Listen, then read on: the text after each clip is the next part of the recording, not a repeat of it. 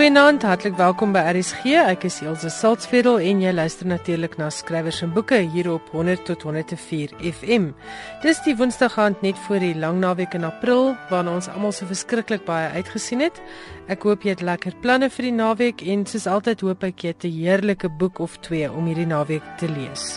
Later in die program gesels Madri Victor en Janet Paul oor die Jungiaanse mites en sprokies in Ewebeeld, Janet se jongste roman. Hulle praat ook oor die ooreenkomste al dan nie tussen 'n boek soos Ewebeeld en 50 Shades of Grey. Natuurlik as 50 Shades of Grey ter sprake kom, ek hoef dit nou nie te sê nie, maar dan hoop ons die kinderoortjies luister nie meer verder nie. Maar nou eers 'n bietjie nuus oor die akademie, die Suid-Afrikaanse Akademie vir Wetenskap en Kuns, wat verlede week 'n klomp pryswenners bekend gemaak het. Die belangrikste is natuurlik die Hertzog-pryswenner. Dit is sonder twyfel die grootste letterkundige prys in die land en hierdie jaar is dit toegekend aan die dramaturg Tertius Kap vir twee van sy dramas Rooiland en Oorsee. Baie geluk aan Tertius Kap, die wenner van vanjaar se Hertzogprys. Die ander baie gesogte prys is natuurlik die Eugene Maree prys en vanjaar word dit toegekend aan Nicola Hannekom vir haar drama Die pad byster. Chris Barnard het die Deleen Becker prys vir die beste rolprent draaiboek in Afrikaans gewen vir Die Wonderwerker. Die Tini Holloway medalje vir kleuterliteratuur gaan hierdie jaar aan Ingrid Mennen vir Ben en die Walvisse. Die Elsabie Steenberg prys vir vertaalde kinder- en jeugliteratuur in Afrikaans gaan hierdie jaar aan Kobus Geldenhuys vir Hoe om Drakonees te praat. Dit dan sover die letterkundige pryse betref wat verlede week toegekend is deur die Suid-Afrikaanse Akademie vir Wetenskap en Kuns. Baie geluk aan Tertius Kap met die Hertzogprys, Nicola Hannekom met die Eugene Maree prys en ook aan al die ander pryswenners. Nou is dit tyd vir die beloofde gesprek tussen Janet Paul en Madri Victor. Die gesprek is opgeneem by die Woordfees en hierdie uittreksel vanaand is 'n verkorte geredigeerde weergawe Dankie aan Iono FM wat vir ons die gesprek verskaf het. Ek hoop jy geniet dit. Die beskrywing in die woordfeesboekie vir hierdie gesprek klink vreeslik gewigtig.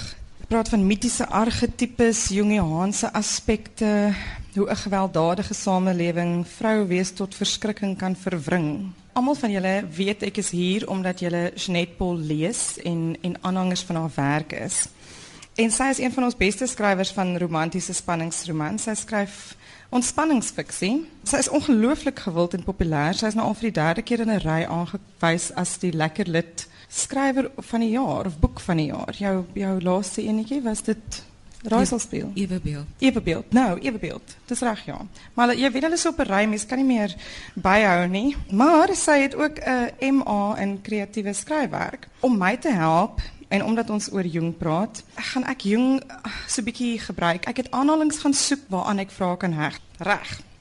Ek het nou vir net gesê, ek is baie benoud vir die Engels wat ek moet lees. Ek is 'n is 'n plattelandse meisie, hoor. So as ek iets verkeerd uitspreek, moet julle baie geduldig met my wees. Goed, Jeanette, so kom ons begin. The debt we owe to the play of imagination is incalculable. Calculable. Sien daar begin die eerste een. Ek's nog eers die eerste een klaar gelees, nee. Kyk, so, waar kom die storie vandaan? Waar wat is die prikkel? Dis nou die play of imagination. Dis baie moeilik om altyd te uh, rarig te kan plaas waar waar die prikkel vandaan kom. Ek dink ek het destyds toe Sleeping with the Enemy uitgekom het. Die die fliek het my baie beïndruk in die sin dat ek kon so verstaan Ek het in my lewe ook in aanraking gekom met beheervrate. Ek het baie as waarnemer dit dit gesien hoe verhoudings waar daar een die beheervraat eintlik iemand se identiteit heeltemal ondermyn. So in in daardie sin dink ek dit kom al 'n lang pad. Maar as jy eers by 'n storie uitkom, dan dan dink jy nie aan waar daai ding vandaan kom nie. Hy sit hier in jou agterkop, so jy jy, jy sit reeds met die ding en dan is daar ander prikkels en ander goed. En wanneer ek begin om om 'n boek te skryf dan dink ek wat is die storievraag wat ek wil beantwoord? En in hierdie spesifieke geval omdat ek nou met siende blind en met raaisel speel reeds uh die in met uh, uh, ja labirint en en raaisel speel en siende blind het ek reeds uh met die emosionele mishandeling gewerk Dit ek gedink ek wil ek wil eintlik hier amper soos 'n allegorie, 'n over the top, die derde trap van vergelyking wil ek hierso uitbeeld in dieselfde tema. En toe het ek gedink, goed, wat sal gebeur as 'n redelike intelligente, baie mooi meisie, uh iemand wat kwesbaar is as gevolg van iets uit hulle verlede in die struktrap van 'n beheervraat. Maar nie sommer so 'n beheervraat nie. Hy skatryk, hy's geweldig invloedryk, hy's magtig in baie opsigte. Ek het myself afgevra sal iemand so stupid wees om te dink, jy weet, hierdie ding kan werk met so 'n man. En ek het agtergekom, maar ja, daar is sekere redes waarom dit kan gebeur. En dit is nie van stupidheid nie. Dit is uit kwesbaarheid, uit behoeftes wat 'n mens het, uit die beloftes wat gemaak word deur hierdie man, nie net uh, verbaal nie, maar ook deur die hele sprokie van van van die verhaal. En dit is dis eintlik waar ek begin het is om te dink, hoe sal dit voel om so 'n man te ontmoet en hy's Mr Perfect met die eerste aansig en dan is hy meneer afskuwelik wanneer jy eintlik agterkom wie hy is. My volgende vraag is gaan oor daai beloftes. The man who promises everything is sure to fulfill nothing, and everyone who promises too much is in danger, danger of using evil means in order to carry out his promises, and is already on the road to perdition. Wanneer wanneer Lani vir Ludolf ontmoet, is dit hy nooi haar na hierdie glanspartytjie by sy huis en ek wil dit graag lees want want jy werk vreeslik baie met met die sprokie en ons gaan daaroor praat met sprokies en mites en so. Maar luister dan nou dit gaan dan nou so. Die hele aand was iets so reg uit 'n Milsenboon. Die skatryk drop dead gorgeous held in sy aandpak. Letterlik tall, dark and handsome. Sy in haar ontwerpersrok en aspoester sandale. Die luisterryke omgewing. Ludolf was die perfekte gasheer, maar dit geen geheim daarvan gemaak dat hy sy oë nie van haar kon afhou nie. Dan so 'n bietjie later aan hy was 'n indrukwekkende man wat presies weet hoe om elke situasie te hanteer. Presies weet hoe om met mense om te gaan. Selfversekerd en intelligent, welsprekend sonder om bombasties te wees. 'n Man wat haar uitgesonder het en uitsonderlik laat voel het deur alles wat hy sê en doen. Sy het nie geweet daar is werklik sulke mans nie en het beslis nog nooit met een te doen gehad nie. Vir haar was hy die prins in elke storie die held in elke Milsenboon vergestaat en hy was souwaar net so mal oor haar as sy oor hom. Nou jy het gesê jy het jy het gewonder hoe kan 'n vrou val vir so iets, maar wat vir my interessant is van jou van hierdie boek en en jou ander werk ook is dat al hierdie goed wat jy hier noem is positiewe kwaliteite. En dis nie goed wat hy opmaak nie. Hy is so. Hy is welsprekend. Hy is tall dark and handsome. Jy weet hy hy laat mense voel asof hulle die middelpunt is. So dis baie moontlik. Jung het hierdie argetipes of modelle, soos julle sal weet, eh, vaste modelle wat jy dikwels gebruik, maar jy draai dit 'n bietjie op sy kop. Want Lani, is nie net aangetrokke tot Ludolf omdat hy so glamorous is nie. Is ook aangetrokke omdat hy beheer neem. Iets wat wat later natuurlik sleg uitdraai, maar hy's 'n vaderfiguur in 'n mate vir haar. Werk jy dikwels met daai argetipes? Uh, ek begin nie by 'n argetipe nie. Kyk, die enigste rede hoekom jong tipes kon filtreer uit uit wat mens menswees is, is omdat mense so is. Uh dis is nie daar was die argetipe en toe staan 'n mens nie, dis daar was 'n mens ja. en toe kon iemand en uh, sê ja. Uh, aflei maar daar is sekere tipes mense. So ek begin by die mense. Maar 'n argetipe is maar 'n redelike 'n steriele ding vir alles 'n mens werk met 'n held. Jy wil nie 'n perfekte held hê nie. Ludolf lyk soos die perfekte held. Ja, hy is al hierdie goed, maar hy is ook iets anders. Ludolf het hierdie uh ideale prentjie van 'n vrou.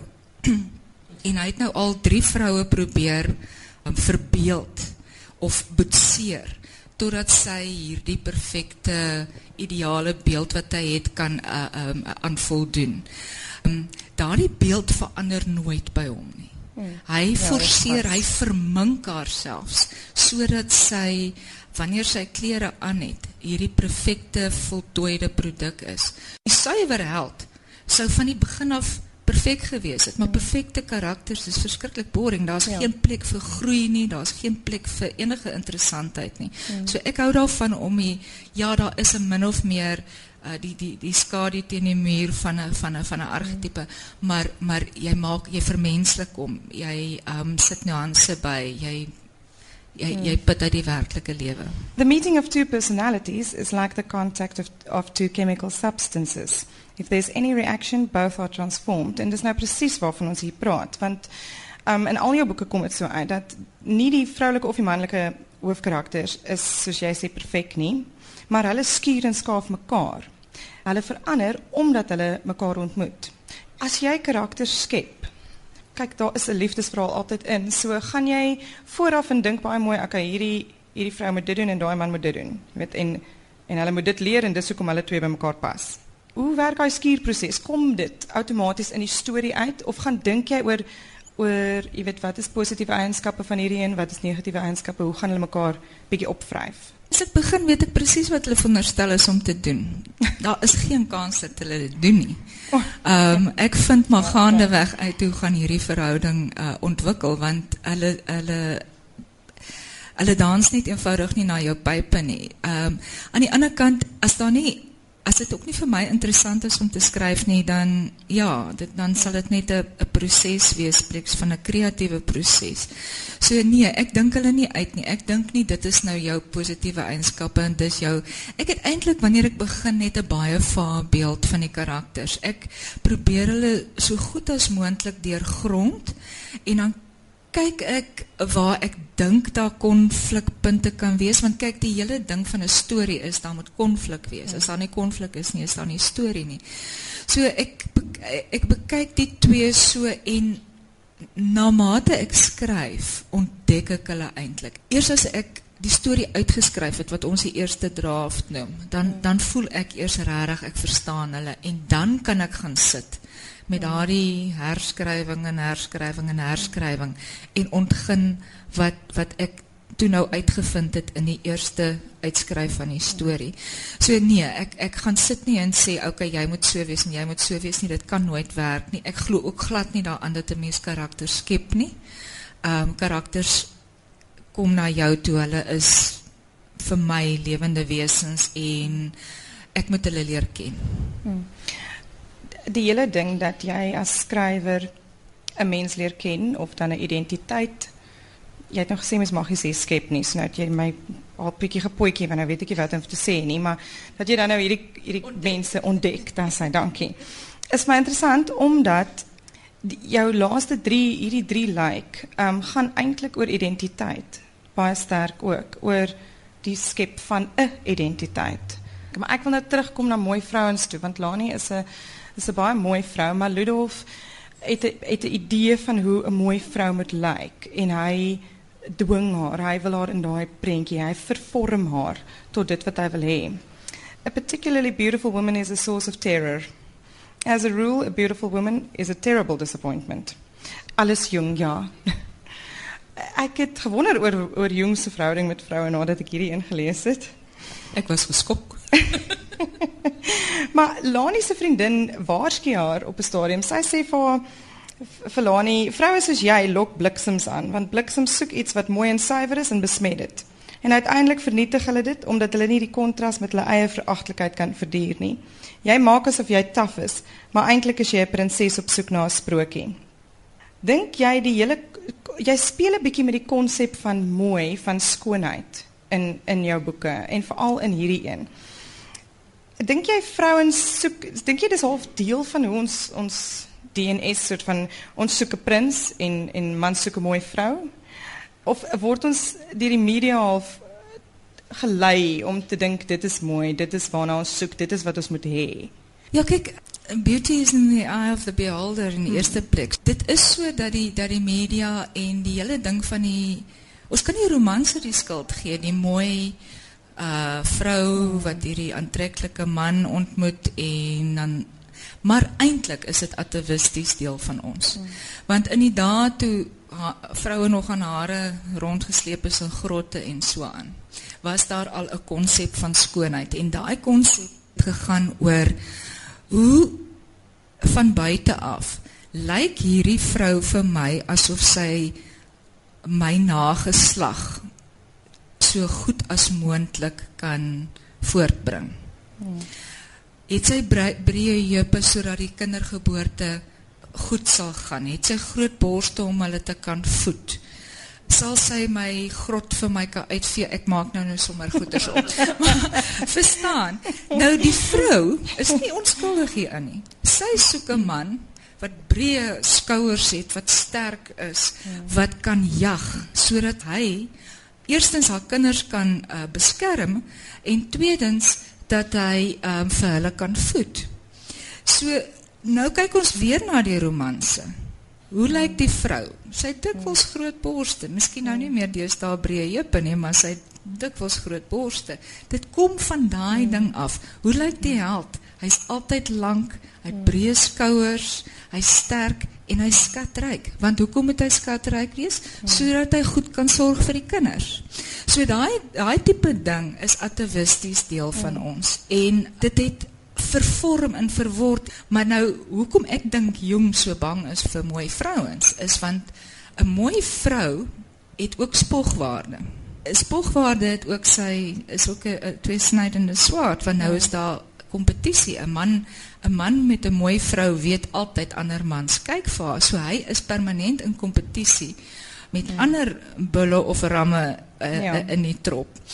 En um, dit is vir 'n man skrikwekkend. As 'n mens teruggaan na na Lilith, um, Adam se eerste vrou.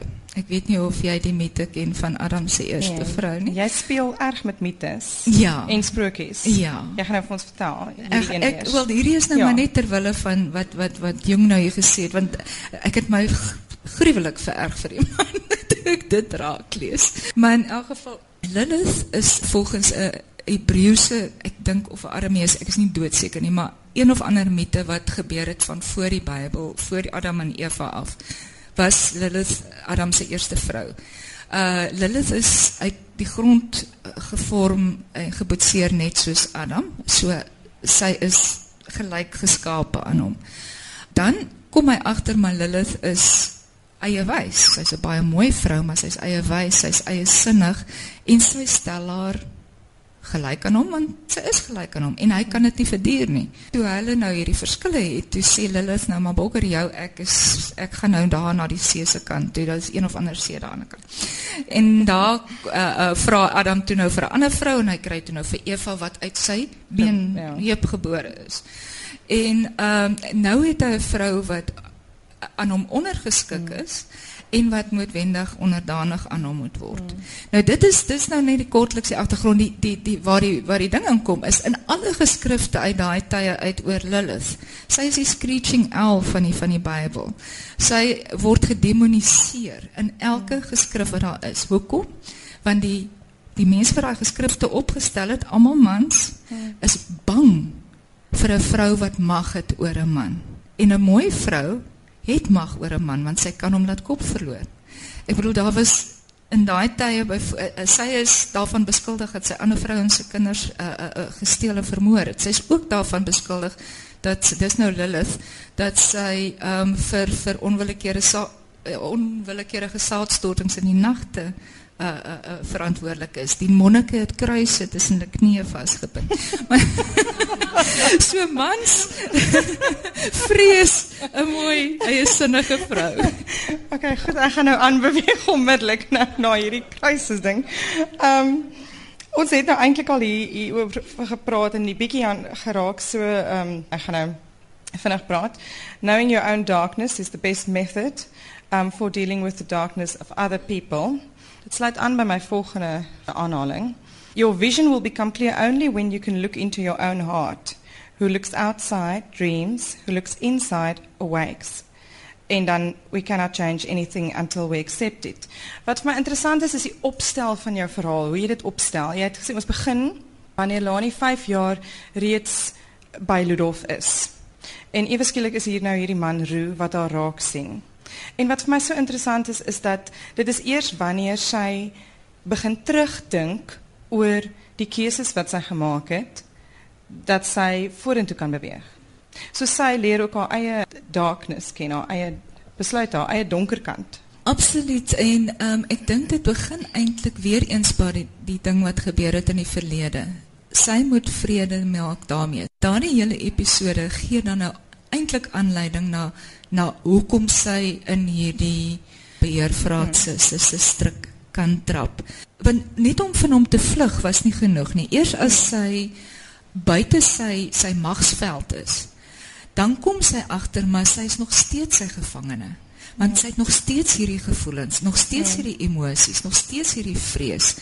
Uh, sy kan nie buite toe gaan nie. Roo neem ja. haar plek toe. Sy kan nie uitgaan nie. Uh daar's niks wat haar keer nie, maar sy sy vrees vryheid. In in een oomblik van angs, byvoorbeeld, wens sy sy was terug in hierdie kasteel. Um, want daar was alles gestruktureerd. Sy hoef geen besluite geneem het nie. Nou ek dink nie ons het dit eers genoem nog tot dusver nie, maar sy is in hierdie uh, uh, uh, vreeslike kasteel. Sy word word gevangene gehou in hierdie kasteel. Aanvanklik baie geleidelik is haar vryheid van haar weggeneem totdat sy uiteindelik heeltemal 'n gevangene is. Toe sy uiteindelik uitkom, toe sy nog glad nie bevry nie. Hmm. Want sy het nog steeds hierdie vrees vir Ludolf en ehm um, sy het 'n angs vir vryheid ontwikkel. Uh en dan uh, sy nou dan verlang sy terug na wat sy ken. Dit is daai tipiese comfort zone waar waar 'n mens val.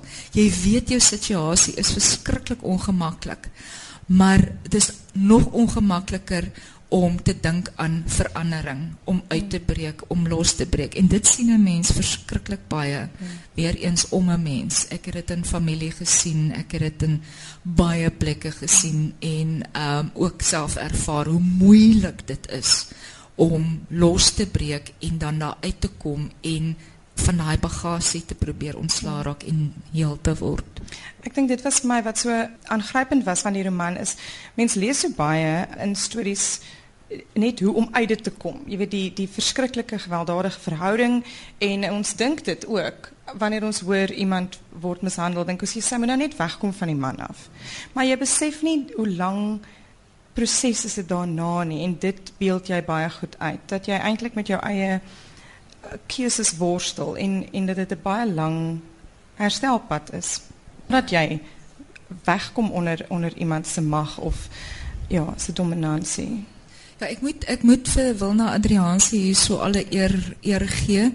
Sy was my keurder gewees en ek het so opgetrek geraak met Jojo se dinge dat ek so bietjie van Lani sy het so bietjie weggeraak in die storie en um, Wilna het baie tereg vir my gesê maar onthou daardie daarna.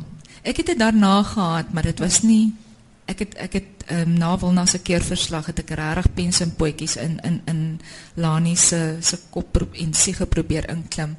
En toe het ek besef hoe hoe angswekkend vryheid vir haar moet wees en ehm um, dit jy kan nie net 5 jaar in in in sulke omstandighede leef en dan strap, stap jy fluit fluit die straat af nie. Dit dit dit dit werk net nie so nie. Ja. Gaan nou sommer twee doen how. The healthy man does not torture others. Generally it's the tortured who turn into torturers. Uh ons het bietjie gepraat oor Ludolf. Ehm um, en ek wil nie veel van die van die verhaal weggee nie. Maar Lani sluit hierby aan in 'n sekere sin dat dit wat ons ervaar het beïnvloed weer hoe ons optree teenoor ander mense en dit kom baie sterk uit ook hier. Ek ek kan jy iets sê sonder om die storie weg te gee van Ludolf? Ek ek dink ek kan oor Jim Jones praat en dan gaan 'n mens kan aflei sonder om te sê wat die storie is, maar wat die wat die agtergrond is. Jim Jones was 'n kind wat verwerp is hier in die 1930s in Amerika. Het hy verskriklik arm groot geword en hy is baie onversorg en ehm um, nie so seer mishandel nie, maar maar totaal en al verworpe gewees. En toe kom hy agter as hy in sy maatjies kerk kerk speel en hy preek vir hulle, dan luister hulle vir hom. Van daar af ehm um, het hy hulle later begin dwing om te kom luister toe toe, toe hulle moeg raak vir vir kerk kerk het hy ges, hulle gedwing om te kom. Toe hy jong man is, toe begin hy 'n kerk ehm um, en al sy intensies was suiwer en baie goed. Hy wou 'n kerk waar daar swart mense en wit mense saam kan aanbid. Hy wou mense na God toe lei uiteindelik het hy hierdie kuddetjie gehad. Kyk en dit was 'n baie moeilike ding in die 1930s, 40s daar rondom wit en swart in Amerika in een gemeente te kry. Vanuit hierdie baie goeie intensies het 'n kerk gegroei of 'n godsdienstgroep gegroei wat heeltemal in sy mag gestaan het. Hy het verskriklik magtig geraak binne sy groep. Soveel so dat hulle op die ou einde massa selfmoord gepleeg het um, by Jonestown in Guyana en hy um, die mense wat uh, toe nou nie wou selfmoord pleeg het nie die ander mense ge, uh, uh, genoeg maar gehad het dat hulle hulle vermoor. Dis die soort ding hmm. Wat 'n mens kry. Hitler uh, is nou al mense praat altyd van Hitler, maar daar is soveel sulke mense en ek hmm. dink Lulov is daai tipe mens. Ek hmm. dink dan dit sonder om die storie weg te gee, hmm. dink ek is dit. En en wat vir my uh, ongelooflik is is dat mense mate van begrip vir hom kry. Jy jy praat nie goed wat hy doen nie. Jy weet jy het, jy het nie maar jy verstaan iets daarvan. Jy verstaan iets van waarom hy so optree. En ek dink dis belangrik as mens in in 'n roman iemand skep die baddie. Jy weet dat hy nie net sleg is nie, want niemand van ons beskou onsself as die slegte ou in in die verhaal nie. Selfs al is jy Boosheid dink ek het altyd 'n rede. Uh, uh, ek dink geneties seker maar ook, maar maar daar boosheid het vir my altyd 'n baie meer praktiese rede. En dit is wat ander mense aan jou gedoen het. Hmm. Daar's altyd redes agter boosheid. Hmm. hmm. Ek dink net soos daar redes agter goedheid is hmm. natuurlik. Ja. Ek dink nie um, ons kan oor oor ewebeeld praat sonder om ook oor 50 Shades of Grey te praat nie. So laat ek nou eers my jong lees. Where love rules, there is no will to power, and where power predominates, there love is lacking. Uh, the one is the shadow of the other. Now, Sommige mense sê en koerante sê ook dat um 50 Shades of Grey eh, se tema is eintlik 'n disfunksionele intieme verhouding wat huishoudelike geweld teen vroue normaliseer en potensieel aanhits. Ek het dit nou mooi aanhaal. Ek weet nie of die skrywer dit so bedoel het nie, maar wat 50 Shades doen is is om dominantie en pijn eigenlijk als romantisch uit te beeld. As dit, dit is glad niet zo in evenbeeld. Nee. Um, pijn is hier pijn. En, en dominantie is glad niet romantisch. Nie. Het, jij, het jij dit in jouw achterkop gehouden? Het jij, wou jij teen dit schrijven? Kijk, een mens kon voor die afgelopen wat ze twee of drie jaar kon jy omtrent nie 'n ding oopmaak nie en of daar's iets in oor 50 Shades, maar ek moet bieg ek het nooit die boeke gelees nie ek het 'n proestukkie op Amazon gaan lees en omdat ek uh, as manuskripontwikkelaar ek sukkel verskriklik om 'n boek te lees as ek die hele tyd wil redigeer. So ek het geweet ek gaan nie daardeur kan stoei nie. Ek praat dus as iemand wat nie die boeke gelees het nie, maar wat darm nou al oor die boeke gelees het. En as dit so is dat gewelddadige ehm um, seks uh verromantiseer word. As dit so is dat uh dit vergoeilik word. En as dit so is dat dit uitloop daarop dat um aan die einde word hierdie man half bekeer van sy weë as gevolg van die liefde, dink ek is 'n verskriklike gevaarlike boodskap om uit te stuur. Hmm. Want ja, ek glo mense kan verander, ek glo mense kan aanpas, ek glo mense kan aan hulle self slyp. Maar daar is sekere persoonlikheidstrekke wat baie baie ek dink onomkeerbaar is. En ek dink 'n behoefte aan geweld om boonop nog gekonnoteer met met die seksuele is is is baie gevaarlik. Kyk, daar's daar's mense wat wat hou van 'n uh, 'n uh, gewelddadige seksuele uh, verhouding wat in 'n gewelddadige seksuele verhouding is, daarvan hou, dis konsensueel. Ehm um, vir my is konsensueel uh, uh, nie so belangrik nie is wil al twee dit regtig regtig hê indien die antwoord ja is by all means, dit is ou se persoonlike keuse, dis jou goeie reg. Maar albei moet dit ewig graag hê. Ehm um, om om gewelddadige seks of 'n gewelddadige verhouding te verromantiseer is ja, dis vir my 'n baie gevaarlike ding om te doen want dit reis juis uit in teen teen alles wat romanties is. Die gevaar is natuurlik ook dat 'n jong meisie of jy weet 'n tiener of so kan dink sy kan iemand verander. So is verlief op iemand en maar maar kyk, hy kan verander. So sy gaan in in 'n in 'n gewelddadige verhouding dan omdat sy hoop sy gaan hom verander. 'n Mens sien dit gereeld as my vriend of my vriendin, as sy net so was, dan kon ek haar soveel liewer gehad het. As my boyfriend net so was en as hy net dit kon verander. Die oomblik as jy daai ding begin sê, dit is waar waar die waar die gevaarligies begin flikker glo ek. En dit was Janet Pol in gesprek met Madri Victor. Die gesprek is vroeër vanjaar by die Stellenbosse Woordfees opgeneem en hulle het gepraat oor die Jungiaanse aspekte, die sprokies, die mites en al die ander interessanthede in Janet se jongste boek Ewebeeld. Dit was 'n verkorte geredigeerde weergawe van die gesprek en baie dankie aan Iono FM wat dit vir my beskikbaar gestel het vir gebruik hier op skrywers en boeke. Ewebeeld word uitgegee deur Lapa en kos R239.95 vir 512 bladsye. So dis 'n lekker dik boek en ek glo dit is 'n boek wat 'n mens nie net laat ontspan nie, maar waaruit jy beslis ook iets leer. My gas in die ateljee vanaand is Piet van Staden. Nou dis dalk 'n naam wat nie bekend klink nie, maar vir die wat die subtitels en dinge na 'n nuusuitsending lees, julle sal die naam herken. Piet, jy was vir baie jare die TV nuusredakteur by die Afrikaanse nuusdiens by die SAK. Baie welkom. Baie dankie. Hoe lank was jy by TV nuus? Bietjie oor die 27 jaar En jou laaste werk was as die as uitvoerende regisseur van van Afrikaanse TV nuus. en dit beteken die ou wat alles bymekaar gesit het, Ja, bymekaar ja, getrek het ja. uiteindelik. Ja. Uh en toe tree jy af en toe begin jy skryf en ons sit hier met jou debuutroman Krake. Karen Breinhardt beskryf dit op die voorblad as 'n heerlike spanningsverhaal en dit was inderdaad 'n baie lekker boek. Maar nou wil ek weet hoe maak 'n mens die oorgang? Harde nuus elke dag het jy te doen gehad met die blood and guts van wat in Suid-Afrika gebeur, die politiek, die intrige. En hier skryf jy 'n roman oor 'n speurder, eintlik 'n forensiese ondersoeker. Hoe was daai oorgang?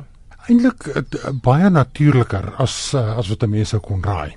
Hier in Suid-Afrika is is so 'n ongelooflike kookpot van van allerlei kragte en magte. Een daarvan natuurlik is is misdaad. Maar dis nie eintlik waaroor ek wou skryf nie. Ek wou skryf oor hoe al hierdie mense met wat uit verskillende agtergronde uitkom met verskillende verwagtinge en nou moet saamleef in uh, in hierdie gemeenskap.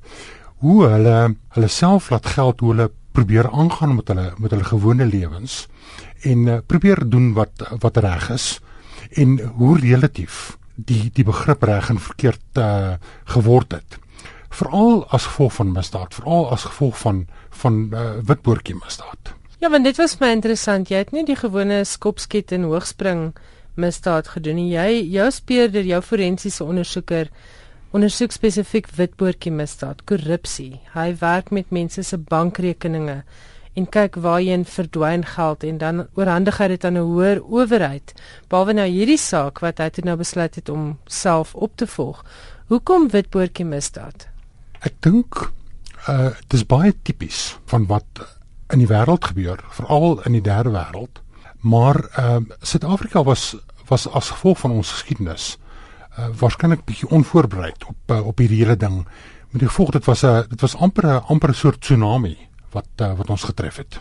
En ek onthou uh, Thabo Mbeki verbeel ek vir my het by die Dakar konferensie gesê 'n mens moet verwag dat korrupsie hoogtyd gaan vier want dis 'n groep mense wat baie lank uitgesluit was van die politieke stelsel en van die ekonomie en korrupsie gaan die grootste grootste probleem in die nuwe Suid-Afrika word. En ek bedoel dis waarmee ons saamleef. Ons sien dit elke dag om ons. Maar hoe het jy jou navorsing gedoen? Want ek het die indruk gekry jou navorsing oor hierdie goed is baie grondig. Het is dit net maar nuusbronne? Is dit maar 'n oud nuusman se bronne wat bietjie gehelp het? Dit dit is sekerlik dit ook. Maar deesdae is daar eindelose bronne beskikbaar. Die die hele internet is is so 'n uh, 'n onuitputlike skat van inligting. En ehm uh, dan is ek nog boonop 'n bibliofiel ook. Ehm um, so kort kort uh, jy weet 'n boek oop en daar is 'n duisternis van die goeie mens kan nie meer, meer beweeg in my huis nie. Maar uh, dan slaan ek 'n boek oop en dan uh, as ek weer opkyk is hier middag verby want dan lees ek ou interessante goed raak. En dit gebruik jy dan Dit gebruik ek uh, in die in die in die boek in in 'n mens probeer kyk hoe hoe bepaalde karakters sal reageer op op sulke gegewe. En dit dit word 'n baie interessante ding want dit dit gaan nie net oor misdaad nie. dit gaan oor mense se verwagting. Hulle kom uit 'n uit 'n bepaalde agtergrond. Ehm um, miskien een van uh van 'n vryheidsstryd. En hulle verwag om sekere dinge te kry. En ehm um, die dinge gebeur nie. Uh, dan neem hulle nou 'n besluit. En jou ander karakter, jou hoofkarakter kom uit 'n SA polisie diens agtergrond en hy het sekere verwagtinge. Korrek. En dinge is op 'n sekere manier gedoen en hierdie goed kom uiteindelik in botsing, maar ook tog nie op 'n manier so. ook nie. Dit is so, maar maar die die ding wat wat eintlik in botsing kom, is die is die ou met homself. Die die hoofkarakter met homself want hy hy probeer uh die regte ding doen. Hy probeer goeie goed doen. En uh dan beland hy in 'n situasie waar waar selfs die mense wat hy probeer help nie gehelp word nie want hulle is weer vasgevang in hulle eie omstandighede. En dit wat my betref er laat dit ruimte vir vir lekker spanning. Dit was 'n interessante kinkel van jou hoofkarakter wat die ander karakter probeer help en dan soos jy sê wil hy nie gehelp word nie en dit is dan wat uiteindelik die hele speurtog veroorsaak want jou hoofkarakter met die naam van Rufenske besef maar iets is nie plus nie. Daar's 'n rede hoekom hierdie ou nie gehelp wil word nie en hy wil dit ondersoek en dit was 'n baie interessante kinkel in die verhaal wat uiteindelik by die Quattro interneringskampe kan ek dit maar eintlik noem strafkampe in Angola gaan draai het. Het daai ding spontaan in jou storie gebeur of het jy besluit vroeg in die storie jy wil iets doen oor Quattro? Nee, nee, dit het spontaan gebeur. En in die proses, jy weet, as as nuusmense het ons uh, het ons met die met die uh, waarheid en waarheid en versoeningskommissie se se sitting saamgeleef elke dag. En op 'n manier was my herinnering aan wat wat gesê is voor daai kommissie oor oor 'n plek soos Quattro het nie hoognaamd gestryk met wat werklik daar gebeur het nie. En dit was dit was vir my self 'n interessante ontdekkingstoggie. En ek sien jy daar jy het, jy het geskryf hoe toe hy nou Quattro Google hoe die miljoene nuusbronne oopvou, was die inligting vir jou maklik bekombaar, die uiteindelike inligting wat jy in die boek gebruik het. Ja, dit was. Dit was in in in in baie van die inligting natuurlik is gelewer by wyse van getuienis vir die vir die WFK. En was dit vir jou lekker om op hierdie manier 'n nuushoofstuk af te sluit? Want ek dink tog uh soos jy nou sê die WFK verhore en daai dinge, dit was wonderlike nuustye. Ek dink moderne joernaliste benei julle so half dat julle in daardie tye kon verslag doen van die voorpos af, van die voorste linies af. Was hierdie 'n lekker manier om alles soort van om die Engelse term te gebruik op te rap en uh die hoofstuk van jou lewe in daai kompartemente sit. Eintlik nie, eintlik nie. Die die die fiksie was 'n nuwe begin. Dit was nie 'n afsluiting van die van die uh, vorige episode nie, maar 'n mens is maar 'n slagoffer van jou van jou eie agtergrond en ervaring en en en vaardighede. So skryf jy alweer aan iets soortgelyks as Krake. Ja, ek skryf weer iets. Ehm um, hy's hy's heel wat anders. Hy's hy's baie meer dink ek eh, 'n uh, gewone speurverhaal. Wie met uh, dieselfde hoofkarakter? Nee, nee, nee, is 'n is 'n is 'n nuwe hoofkarakter. Ja. Ehm um, maar hierdie keer kyk 'n mens uh, weer na na ander problematiek in die uh, in die samelewing. Soos wat ek hier bietjie geraak het aan aan uh, die kwessie van van ras en stand. Ehm um, en en en ook geslag. Kyk ek daar 'n bietjie na ander dinge. Wil jy nog nie verklap nie? Ek kan ek kan maar net sê dat ehm um, dit gaan oor eermoord. Honor killings. Ja. Goed. Ja, en en en in jou nuusloopbaan was jy nie noodwendig altyd agter die lesenaar nie. Jy was seker vroeër in jou loopbaan uit in die veld en jy het stories gedoen. Ja, en seker elders in Afrika ook. Nee, nee, uh, dit was dit was in die isolasie daar. So ek het uh, bitter bitter uh, beperkte blootstelling gehad aan Afrika. En uh, en op die ou einde baie lang jare in die kantoor gesit en gekyk na ander mense se skryfwerk. Nou as as skryf dan nou nou in 'n mense se murgeniere sit, dan uh, kom jy naderhand agter jy mis dit en dan begin jy uh, allerlei woordspeletjies maak in in kantoor memos en sulke goed. Dis die dis die verkeerde manier. dan is dit tyd om af te tree en uh, in fiksie te skryf. So het jy nooit tydens jou, ek weet dit was 'n baie besige lewe, maar het jy nooit tydens daai tye gedink daaraan om miskien iets neer te pen nie. 'n mens doen dit ek het van tyd tot tyd uh, bydraes gelewer, goedjies geskryf, ehm uh, selfs 'n bietjie fiksie geskryf, kortverhale en sulke soort van dinge, meestal onder skuilname of of altyd onder skuilname. Maar ehm um, dit was uh, daar was net nooit tyd om uh, om om dit ernstig te doen nie want met met elke nuwe jaar was daar minder tyd. Ja, ek ek kan vaar so. Ja, want elke nuwe jaar bring 'n klomp meer verantwoordelikheid, né? Nee. Korrek die fiksie ding, ek wil jou tog weer daaroor vra. Jy sê nou maar jy sê skryf, skryf, skryf, maar was dit ehm, 'n um, totale kopskuif om te gaan sit en denkbeeldige karakters nader te roep in jou spasie in nadat jy soveel jare met harde feite gewerk het. Hoe was daai proses vir jou? Hoe het jy dit ervaar? Dit was nie dit was nie vir my so moeilik nie. Waar ek nogal uh, 'n uh, kopskuif moes maak was um, om om te besef dat wat ek in die in die eerste weergawe van die fiksie neergeskryf het is miskien skaffelike journalistiek maar is nie fiksie nie. Met ander woorde ek moes ek moes baie meer skryf. Ek moes gaan delf ook belewenisse aan aanhaal of of oprakel in uh, in reaksie en teenreaksie en so aan. En en en dit sou 'n joernalis ehm um, nie doen nie. Ja, want ons werk word ekonomies. Ons ja. jy moet soveel inligting moontlik in so min woorde moontlik sit en jy fokus nie noodwendig op iets soos emosie of gesigsuitdrukking of so nie. En ek dink in televisie nog meer, want jy is 'n visuele medium gewees. Korrek. En veral, jy weet, in 'n nuusorganisasie soos die SAIK, waar 'n mens te alle tye klinies uh ontsettend objektief moet wees. Ja. Ehm ja. um, en, en jy jy jy vertolk nie. Jy, ja. jy jy gee feite in en laat mense self oordeel. Jy is basies net kurator van die inligting. Jy is, interpreteer glad nie. Die die die ander ding wat wat ek ook agtergekom het, is dat die krag van stemsnitte van van aanhalinge. Ja. Wat wat vir ons as joernaliste soveel gewig dra, soveel trefkrag het.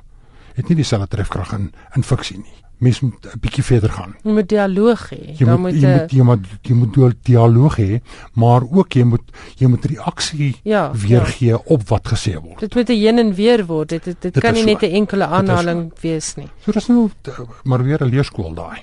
So jy het 'n uh, ek lei nou af, jy het 'n eerste weergawe geskryf en toe moes jy gaan sit en bysit terwyl dit vir fiksieskrywers gewoonlik andersom is. Hulle moet sny. Dit is so dit is so. Ehm um, ek moes uh, ek moes skryf want ek het belangrike subtemas en en en dimensies nie vasgevat nie want ek wou oorspronklik moes dit bloot 'n 'n 'n eenvoudige speurvraag gewees het. Maar ek het uh, ek het toe besef dat uh, die dinge het om werk nodig. En hoe lank het jy gewerk hier aan? Goed 'n jaar. Ek skryf verbasend stadig en en pynlik.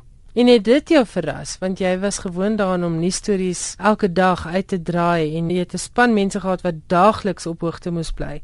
Was hierdie vir jou besonder stadig omdat jy Dit dit was, dit was want 'n mens het het, het bepaalde produksiekonsepte. Ja. Jy moet daarom as jy as jy gaan sit, daarom 'n klomp woorde kan uitreg uh, in 'n dag. En jy verwag dit swaar van jouself. Jy, jy verwag dit ja. van jouself. En niemand anders sit soveel druk op 'n skrywer soos die skrywer self nie. Jy dit agtergekom. ja, en hy uh, hy's hy's maar uh, tamelik ontevrede ook en hoe meer keer hy aan die ding werk, hoe meer ja, ontevrede raak hy. Ja, slegter lyk dit. dit so. en sê vir my Piet, lees jy baie in hierdie genre? Ek kon agterkom dit is iets waarna jy belangstel. Ek is 'n groot leser. Ek het in die jongste jare min Afrikaanse fiksie gelees. Ek het min fiksie gelees want daar was daar was baie min beskikbare tyd. Mm. Maar ek het veral 'n min Afrikaanse fiksie gelees omdat 'n mens maklik beïnvloed kan raak uh, ja, wanneer ja. jy begin. So ek wou die die fiksie skrywery half met 'n met 'n skoon gewete. Ja, en ja, en in 'n skoon papier, maar ek lei of jy dan Engels gelees in hierdie genre. Ek het, ek het Engels gelees, ja. Ja, ehm um, ek is veral baie lief vir 'n vir 'n Amerikaanse fiksieskrywer wat 'n klomp jare gelede dood is. Sy naam is John D. McDonald. Hy het waarskynlik uh, baie na 80 boeke geskryf wat minstens 'n miljoen elk verkoop het. So jy het heelwat om te lees. En sê vir my, as iemand vir jou sê maak vir ons 'n reeks van Roo Venske met die hoofkarakter, sal jy dit aangryp? Dink jy daar's nog stories vir Roo? Ja, ek dink so. Ek dink wat hom lewenskrag gee, is die feit dat hy 'n gewone ou is met nie, met sy in, eie innerlike stryd, ja, nê, ja, en verhoudingsstryd ja, en sulke goed. Ja, nie nie vreeslik pretensies nie. Ja. Daar's daar's bepaalde beperkings aan sy storie. want ehm um, wat hom eintlik 'n bietjie substansie gegee het is sy eie agtergrond, sy sy platlandse agtergrond en dan sy verhouding met sy voormalige vrou. Dit het hom baie menslik gemaak, het ek ja, gedink. Dankie. Ja, ou weet nie hoeveel hoeveel uh, stoffasie daar nog is wat ja, ek dink daar ten minste nog een boek en ek bedoel met die feit dat hy en sy vrou so half hierdie geskiedenis het, dink ek jy kan daardie deel van die storie kan op sigself sorg vir nog 'n stewige stuk storie. Piet baie dankie dat jy by skrywers en boeke kom kuier het en baie geluk met Krake. Dis regtig 'n goeie debuut en ons sien uit na jou volgende boek. Baie dankie en uh, dankie vir jou vir jou mooi woorde. Ek het gesels met Piet van Staden oor sy debuutroman Krake wat uitgegee word deur Tafelberg. Nou 'n bietjie goeie nuus oor kinderboeke en daarmee sluit ons die program af. Lapa Uitgewers se kleuterboeke het weer verlede week uitgeblink by die Nasionale Ontwikkelingsagentskap se vroeë kinderontwikkeling toekenninge of Early Childhood Development Awards. Dit is die 26ste Maart in Johannesburg gehou en twee Lapa boeke het toekenninge ontvang. Maya Sereda se My Eerste Woordeboek is 'n baanbreker kleuterwoordeboek in vier tale: Afrikaans, Engels, isiXhosa en isiZulu en is as wenner aangewys in die kategorie Beste publikasie vir vroeë kinderontwikkeling. Die illustreerder Alzet Prins is ook bekroon as Beste illustreerder vir 2014 met haar illustrasies vir Leon de Villiers se gewilde kleuterboek per maand. Dis in Engels gepubliseer as Cheeky en in isiXhosa as Uchiki. Hierdie kinderontwikkeling toekenninge word jaarliks gedoen om erkenning te gee aan persone en instansies wat bydra tot die strewe na uitnemendheid op die gebied van vroeë kinderontwikkeling. So van ons kant af ook baie geluk aan Lapa met hulle toekenninge vir my eerste woordeboek en Parmant. daarmee groet ek Elsje Salzwetel. Baie dankie dat jy vanaand saamgeluister het. Ek hoop jy het 'n baie geseënde Paasnaweek. Ry versigtig, die paaie gaan baie besig wees.